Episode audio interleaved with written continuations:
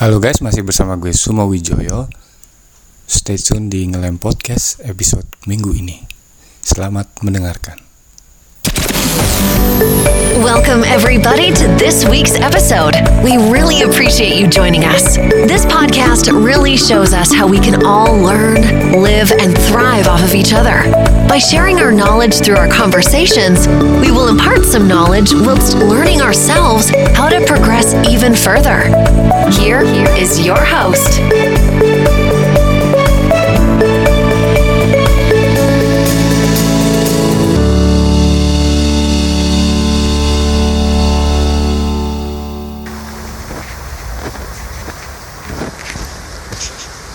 Di episode kali ini,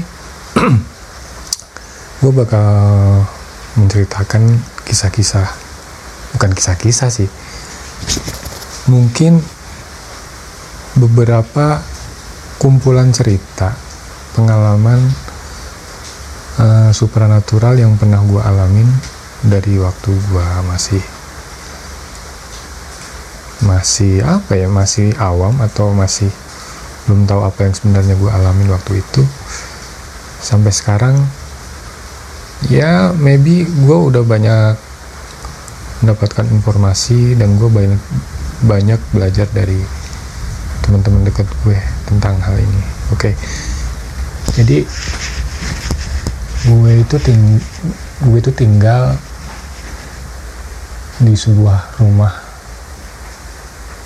Rumah bapak gue yang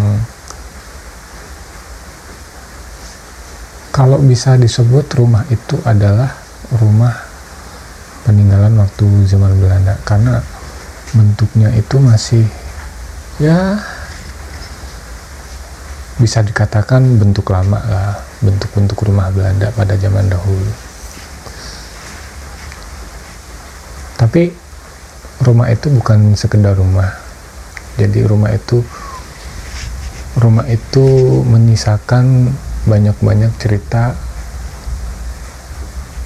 cerita-cerita supranatural yang dialami oleh beberapa orang. Nggak bukan bukan hanya gue atau orang tua gue tapi teman-teman gue saudara-saudara gue juga pernah mengalami hal yang sama di rumah itu. Jadi gini gue dulu lahir besar di rumah eh, bukan di rumah itu maksudnya gue besar sampai gue umur 30-an lah gue tinggal di rumah itu. Nah ke, waktu gue kecil gue diasuh oleh seorang neni. Sampai neni itu sampai gue besar udah gue anggap seperti ibu gue sendiri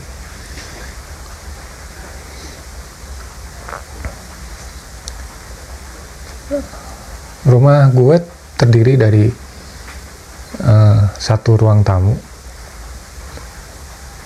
satu ruang keluarga satu dapur satu kamar mandi dan tiga buah kamar besar.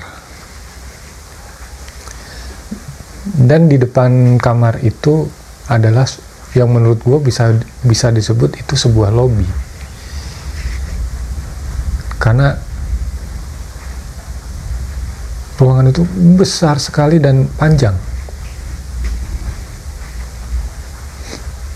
Bisa bisa gua sebut itu adalah sebuah lobby.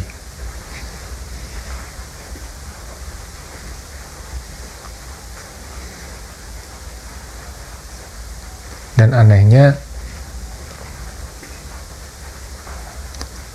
nenek gue itu sering banget yang namanya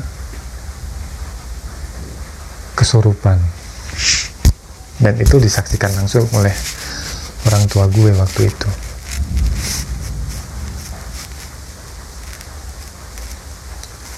Setelah setelah kejadian itu selesai kemudian nenek gue menceritakan bahwa ada seorang wanita berbaju merah yang ingin merebut gue dari gendongan nenek gue. Waktu itu gue masih umur berapa tahun? Belum ada setahun gue belum ada setahun.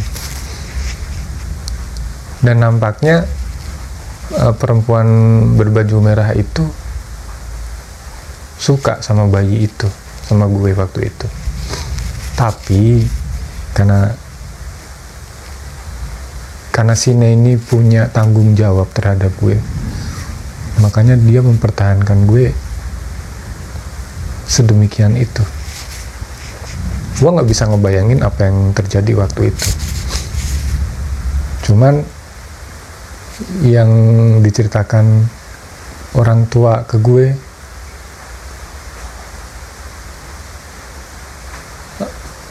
si nenek itu matanya melotot kemudian di dalam di dalam dunianya waktu itu dia udah tarik menarik antara nenek gue sama perempuan berbaju merah itu. Tapi akhirnya gue berhasil dipertahankan. Dan perempuan berbaju merah itu pun akhirnya pergi.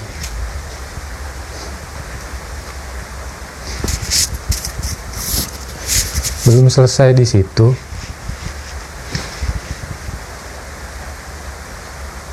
jadi yang gue ceritakan gua rumah gua ada tiga kamar itu terdiri dari satu kamar nyokap kamar bapak ibu gue kamar orang tua gue. Kemudian ada dua kamar lagi itu bagian belakang dan bagian depan. Dan yang bagian depan itu adalah kamar gue sama kakak gue waktu itu waktu kita masih kecil-kecil dan kamar belakang itu adalah kamar yang kosong. Belum di belum belum ada yang menempati kamar itu. Jadi dibiarkan kosong.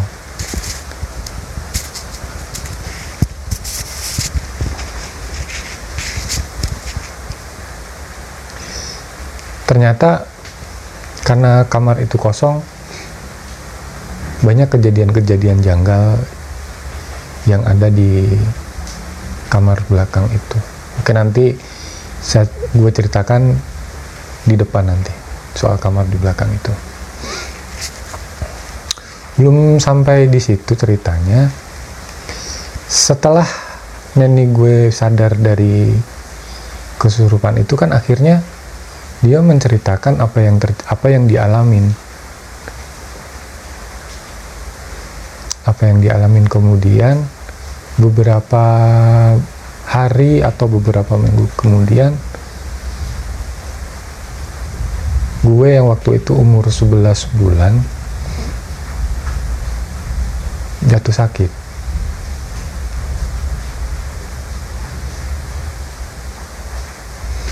Badan gue panas demam tinggi mata sampai melotot.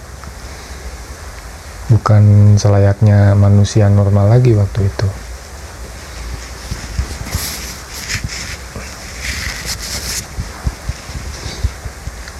kemudian oleh orang tua gue ditemani nenek gue waktu itu langsung dibawa ke rumah sakit untuk diperiksa. Dan ada kejadian aneh waktu itu katanya gue makan jeruk itu satu kilo habis sama gue sendiri katanya. Itu gue masih umur 11 bulan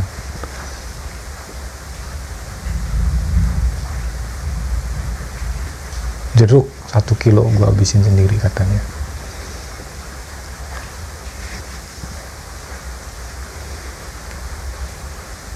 Namun setelah dilakukan pemeriksaan dokter mengatakan bahwa gua kena muntaber muntah dan berat. Karena karena yang gue alamin waktu itu adalah muntah dan berat. Jadi dokter hanya bisa hanya bisa mendiagnosa muntabernya doang. Tapi nyokap gue tahu bahwa yang gue alamin itu bukan sekedar muntaber pasti ada sesuatu di balik penyakit gue itu.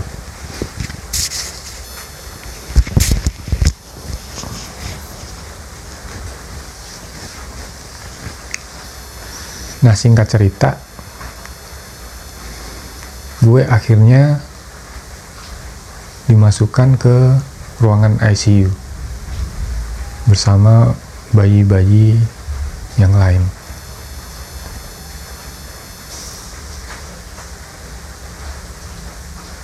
Gue nggak bisa bayangin gimana perasaan nyokap gue waktu itu, waktu gue di ruangan ICU itu, karena banyak bayi yang masuk banyak bayi masuk kemudian meninggal. Umurnya nggak lama di ICU itu. Jadi pagi masuk malam meninggal. Malam meninggal paginya masuk. Dan itu keluar masuk.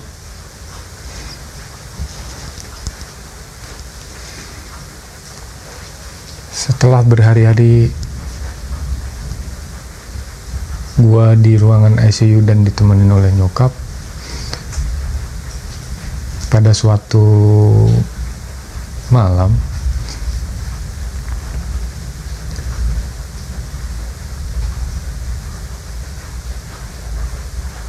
nyokap gua berada di berada di luar ruang ICU waktu itu tapi posisi dia bisa menghadap ke box bayi yang ada di ruangan ICU itu. Nyokap gue melihat dua atau tiga orang suster berpakaian ungu mau mengambil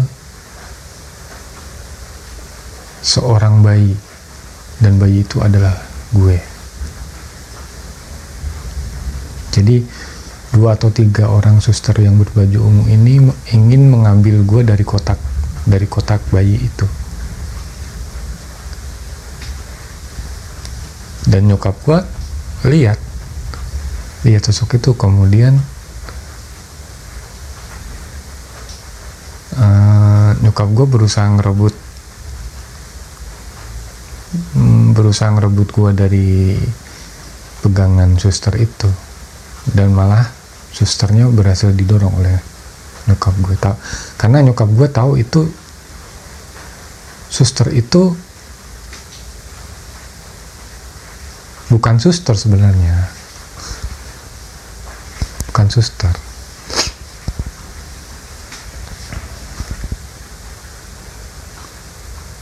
Bukan suster.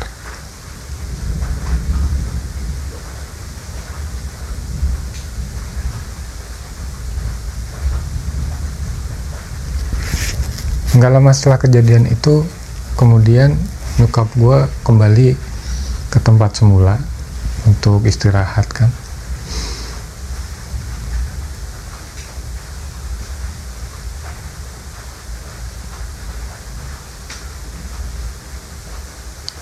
untuk istirahat kemudian wak waktu nyokap gue rebahan uh, dia disebelahin oleh seorang suster lagi katanya.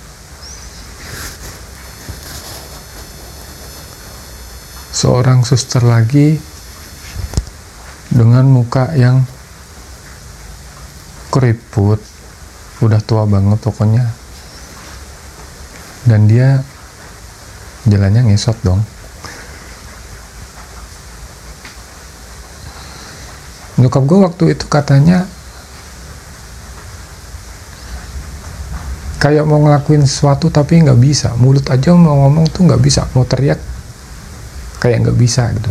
Jadi cuman cuman bisa ngeliat doang.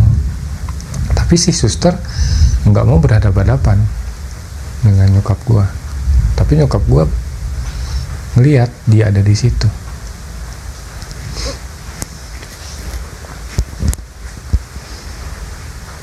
Tapi nggak lama suster ngesot itu akhirnya pergi ninggalin nyokap gue. Nah setelah pagi setelah pagi kemudian nyokap gue mengkonfirmasi ke salah satu temannya yang ada di situ bahwa dia su, su, uh, bahwa dia bertemu dengan suster ngesot semalam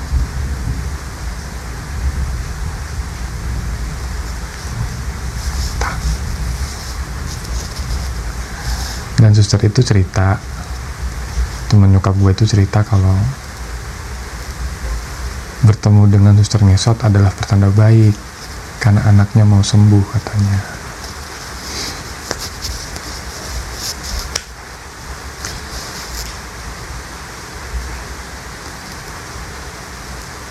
Nah karena nyokap gue kan tahu itu bukan penyakit biasa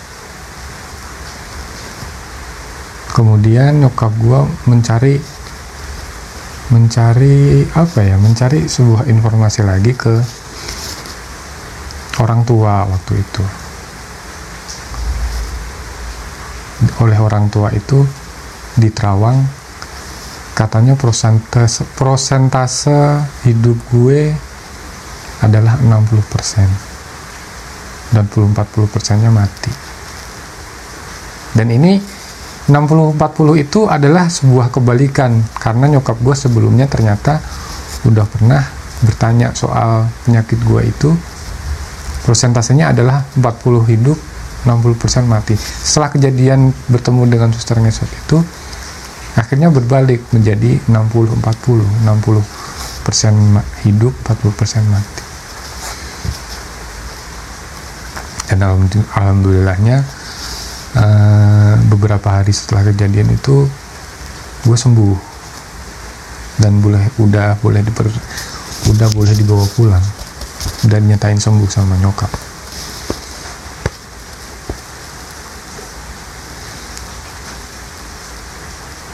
Setelah gue pulang umur gue yang waktu itu 11 bulan kembali lagi seperti anak umur tiga bulan bayi umur tiga bulan. Jadi lu bisa ngapa-ngapain.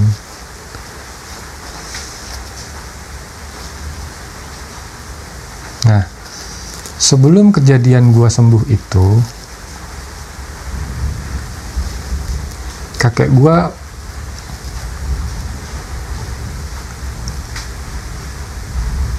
kakek gue bertemu dengan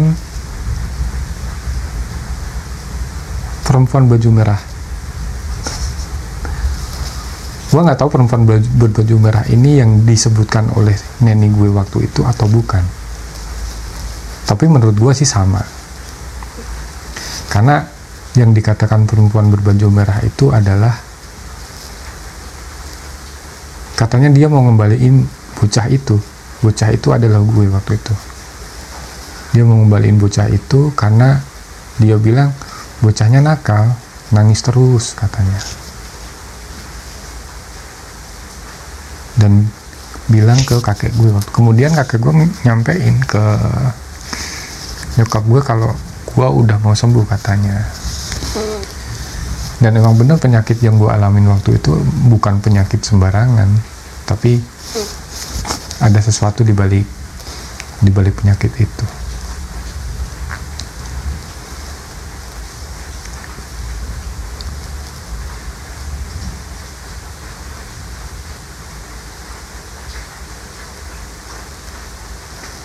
kembali lagi ke rumah ke rumah gue itu. Ini ini kejadian dialamin oleh abang gue waktu itu. Dia masih SD lah masih SD pada suatu sore nyokap gue lagi nyapu nih nyapu di depan rumah. Kemudian tahu gelagat gelagat abang gue waktu itu pengen main. Tapi nyokap gue nggak ngebolehin ternyata kalau kakak gue main. Disuruhlah tidur siang. Nah nyokap gue nyuruh abang gue tidur di kamar nyokap gue yang ada di tengah. Tapi ternyata abang gue nggak tidur di kamar tengah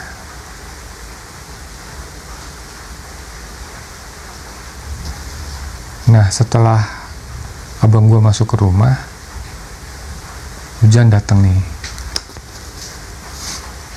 Hujan datang dari kejauh dari kejauhan nyokap gue ngeliat teman-teman abang gue datang. Dan bilang bahwa abang gue jatuh di sekolahan. Lah bukannya tadi disuruh tidur di kamar belak di kamar nyokap. Nyokap pun bingung tahu kejadian itu.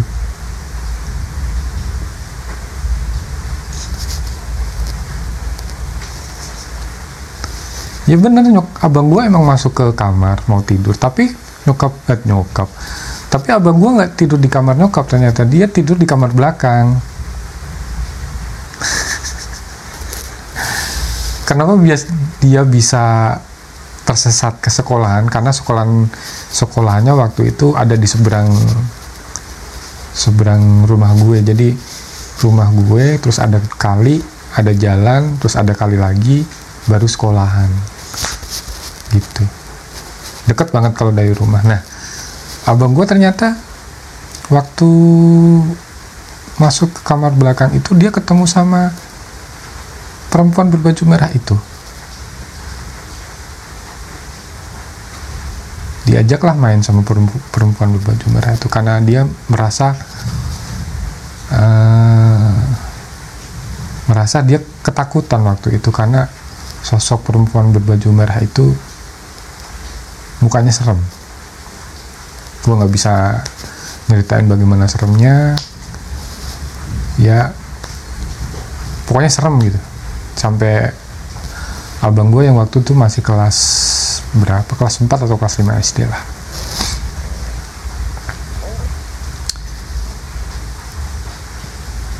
Yang lebih anehnya lagi kan waktu itu hujan. Tapi abang gue nyampe sekolahan itu kering.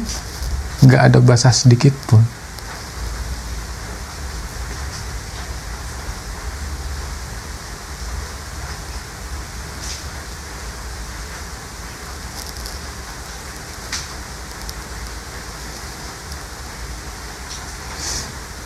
itu uh, salah satu kejanggalan kamar belakang yang ada di rumah gue. Tapi ada beberapa cerita lagi soal di soal kamar belakang ini yang uh, banyak orang di apa ya banyak orang menemukan sesuatu yang ada sesuatu yang nggak beres di kamar itu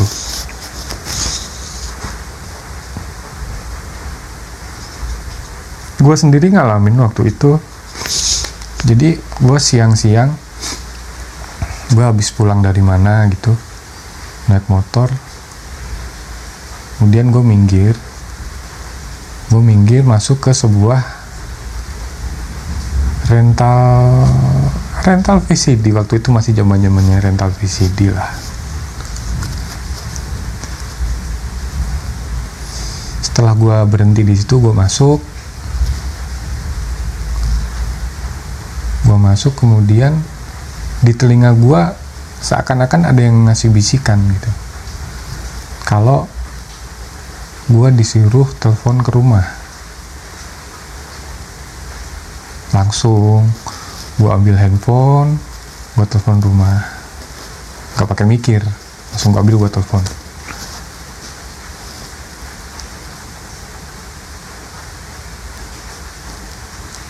Panggilan pertama cuman ada panggil.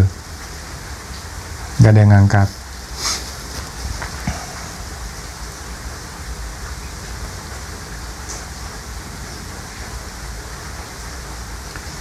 Kemudian gue coba lagi. Panggilan kedua. Ada yang ngangkat dong. Ada yang ngangkat tapi nggak ada yang ngomong. Kemudian telepon itu ditutup waktu itu masih telepon rumah masih telepon kabel itu. Dan jelas banget kalau telepon itu ditutup. Jelas banget suaranya. Gue masih belum merasa apa-apa waktu itu. Gue belum pernah merasa nggak merasakan apa-apa kemudian gue balik karena rent, dari rental itu ke rumah paling cuman 5 atau 10 menit lah deket gue pulang nyampe rumah rumah itu dalam keadaan kosong.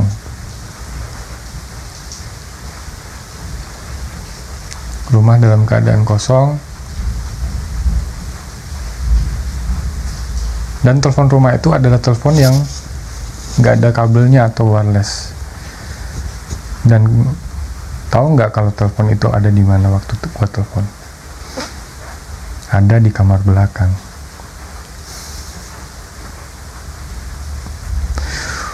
gua sampai sekarang masih banyak tanda tanya soal kamar belakang itu ada apa sebenarnya.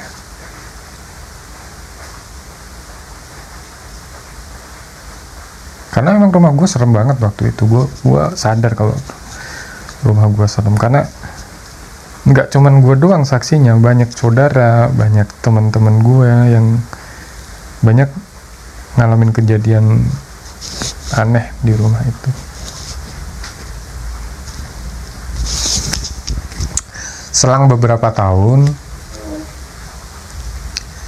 uh, rumah gue direnovasi bagian depannya. Jadi lebih modern lah. Jadi lebih modern. Yang dulunya teras kemudian ditutup akhirnya jadi tempat jadi ruang tamu bener-bener jadi ruang tamu karena karena bangunan rumah itu akhirnya sedikit banyak dari tahun ke tahun sedikit banyak berubah dikit demi sedikit hingga ninggalin bentuk aslinya.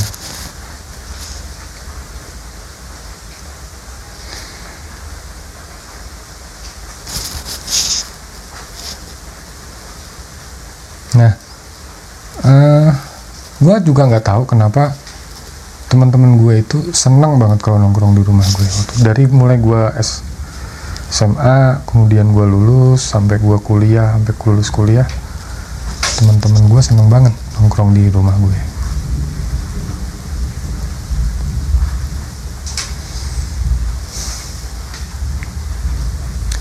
Nah, waktu itu gue sama teman-teman gue nongkrong di ruang tamu itu yang selesai direnovasi. Jadi posisi posisi temen gue itu tidak ada yang menghadap keluar menghadap ke dalam rumah semua. Dan yang menghadap keluar itu cuman gue waktu itu. Dan you know pas gue ngelihat itu adalah sisa-sisa hujan masih basah-basah gitu deh kejadian setelah maghrib udah gelap pokoknya. Jadi di depan ruang tamu itu ada sebuah rumah tetangga gue. Kemudian di samping rumah itu ada pohon belimbing. Gue masih inget banget bentuknya.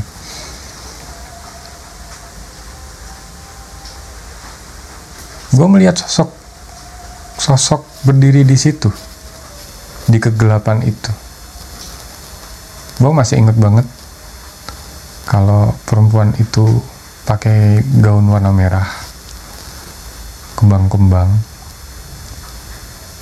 saking jelasnya sampai gue perhatiin dari bawah sampai atas sampai atas dan waktu sampai mau ke muka udah hilang hilang rambut gue begitu aja. Sampai sekarang gue belum ketemu lagi sosok perempuan berbaju merah itu. Kalau kata neni gue sih waktu itu dia adalah noni noni Belanda. Kalau dari fashionnya sih menurut gue sih bener apa yang di, apa yang diceritakan neni gue itu adalah perempuan berbaju merah itu bener-bener ngikutin gue sampai gue besar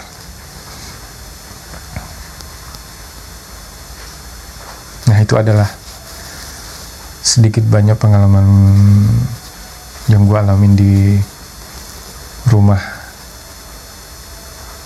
bokap gue Alhamdulillah sekarang rumah sudah nggak dipakai keluarga kita lagi. Keluarga kami sekarang udah pindah rumah, jadi rumah itu udah dijual dan sudah beralih fungsi sekarang. Ya semoga yang menempatin tempat itu tidak menemukan kejadian apa pun seperti apa yang gua dan keluarga gua alami. Oke cukup sekian cerita dari gue kalau sobat-sobat punya ya cerita-cerita misteri boleh deh boleh dikirim ceritanya di DM Instagram kami di ngelem underscore podcast. Atau mau kolaps dengan kami kami tunggu. Oke saya Sumo Wijoyo ngelem podcast